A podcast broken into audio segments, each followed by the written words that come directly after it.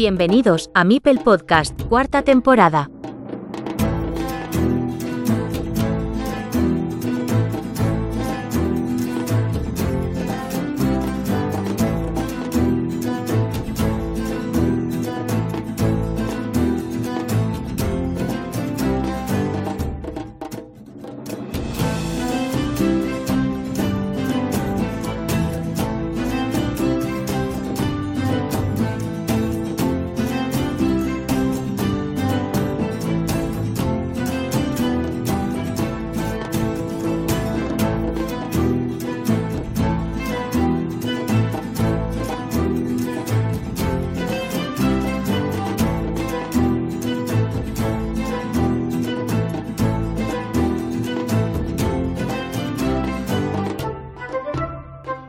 Muy buenos días a todas y a todos. Ha comenzado la Liga Carcassonne Spain en esta su cuarta edición. Este año será de una temporada completa, 2023-2024.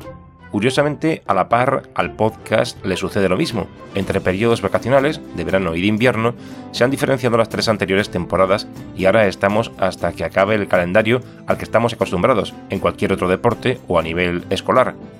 No hemos hecho presentación en esta ocasión con ningún miembro del comité porque han habido cambios, algunos han salido, otros no estaban disponibles y a medida que ha ido avanzando el mes de septiembre todo ha sido un caos, sobre todo con el Mundial de Alemania y principalmente por las entrevistas en el podcast. Y tras el Mundial también. Así que me reservo el privilegio de haceros yo esta presentación en solitario, ya que no hay muchas novedades al respecto de la edición anterior, y que me corrijan si me equivoco, la diferencia fundamental estriba en la renovación del comité, del que salen Juliano, Valle y Zocanero y entran Amazonitu y 2020 Rafa. Se mantienen Oscaridis, Locuelo y Estroncio.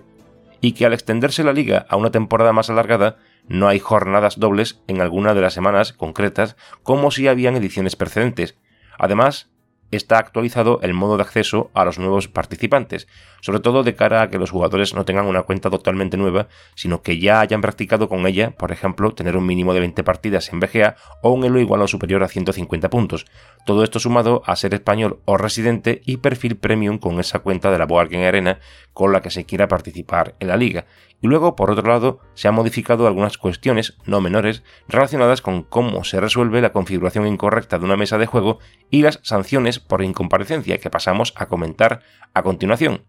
Han existido circunstancias que han promovido esta modificación introducida en el comité y es que si tras la Roseta 9 no se han percatado nadie de que la configuración de la mesa ha sido incorrecta y nadie la reclama, a partir de la Roseta número 10 ya no puede retrotraerse la situación y no es reclamable por ninguno de los dos jugadores.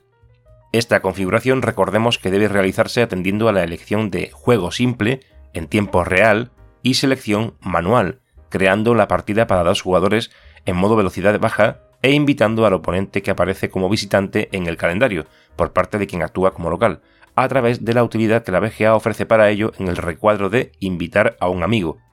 Luego de la primera partida, el mismo jugador, que actúa como local, debe hacer clic en el botón de revancha, para que se cambie el turno y comience la partida el que en la anterior estuvo a la expectativa del jugador inicial, para volver a hacer lo mismo en caso de empate. Y digo en caso de empate porque el duelo lo gana el mejor de tres partidas, pero si tras los dos primeros encuentros en liza sucede un 2-0 o un 0-2 en el marcador, la tercera partida no habrá de disputarse, sencillamente. La otra novedad comentada antes respecto de las sanciones viene a renovar el formato y se tendrá en cuenta lo siguiente. La primera incomparecencia se sanciona con la pérdida del duelo donde se ha producido dicha incomparecencia. La segunda, además de perder el duelo de marras, también se resta un duelo ganado, menos uno en el total de la tabla clasificatoria. La tercera incomparecencia, además de lo anterior, establece la posibilidad de expulsión de la competición. Y nada más, recordamos que la Liga Carcassonne Spain fue creada para regocijo de los jugadores que tienen interés en formalizar una competición sobre Carcassonne Online donde nos podamos dar cita a todos los jugadores de nuestro país para mejorar y con el objetivo también de favorecer una fórmula de acceso en colaboración con Debir al Campeonato de España de Carcassonne, con la obtención de plazas repartidas entre las diferentes categorías de la liga, pero sobre todo en la que ostenta la cabecera de los mejores jugadores, la Liga Élite, además de acordarse como fuente principal de acceso, además de otras, para la confección de la selección española online, orientada al Mundial por equipos que se celebra cada año entre marzo y junio, para el Europeo por equipos, como el que se ha celebrado recientemente durante un fin de semana, y para otros encuentros amistosos con otros combinados nacionales. Y repasando otras cinco jornadas la situación de esta liga actualmente, recordemos que disponemos de tres niveles, Liga Élite, segunda categoría azul, lo del color viene porque con anterioridad existieron dos grupos y la segunda con un solo grupo ahora se la diferencia con el azul, y luego está la tercera con dos grupos y que son la Liga Naranja y la Liga Rosa.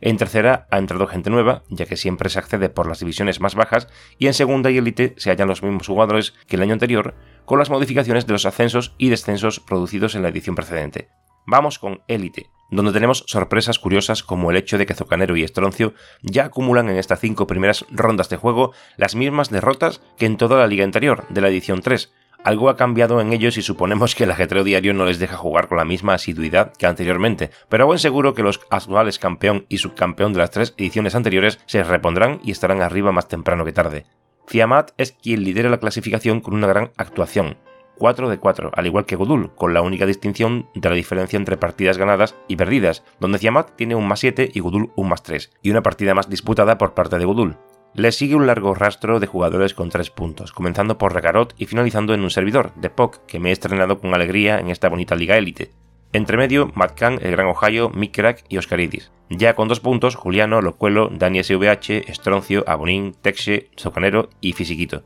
Para cerrar la tabla con Caroline, Carquiñolis y Camares con un punto. Y con cero patatero, Valle 13, la ex capitana de la selección que ha perdido 5 de 5 y está dando un visito al primero de segunda en Liga Azul, su caballo ganador, Rolente, su pareja, su amigo de vida y fuente de inspiración, que ahora ya no cabalga solo, sino que le sigue de dude en el coliderato de esta cuarta edición de la segunda categoría, junto a 2020 Rafa, Pandemias, Alfamar, Kikila e IQ, todos empataditos ahí a tres puntitos, aunque de dude ya con 5 encuentros a sus espaldas, y Rafa que en realidad tiene un punto más la diferencia de partidas que Rolente y encabeza el listado. Lo que pasa que ganó ayer y me ha pifiado la gracia de lo que quería decir entre Valle y Roberto, y por eso lo he mencionado al final. Luego un mogollón de gente con dos puntos, tres con uno y cierra la tabla con cero puntos, descansa, que como ya dije en Telegram, sigue dormido y cuando se despierte seguro que ya está en tercera. Y hablando de tercera, solo recalcar que en el grupo rosa encabeza la clasificación de Gesenande e Ibaibe con 5 puntos, seguidos de Rader, Tenrak y Deskey con 4. Y en el grupo naranja, Jules 26 y José MJT,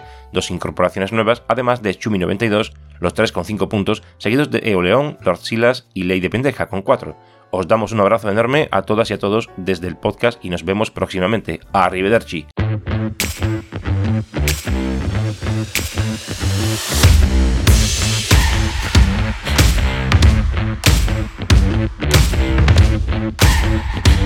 back.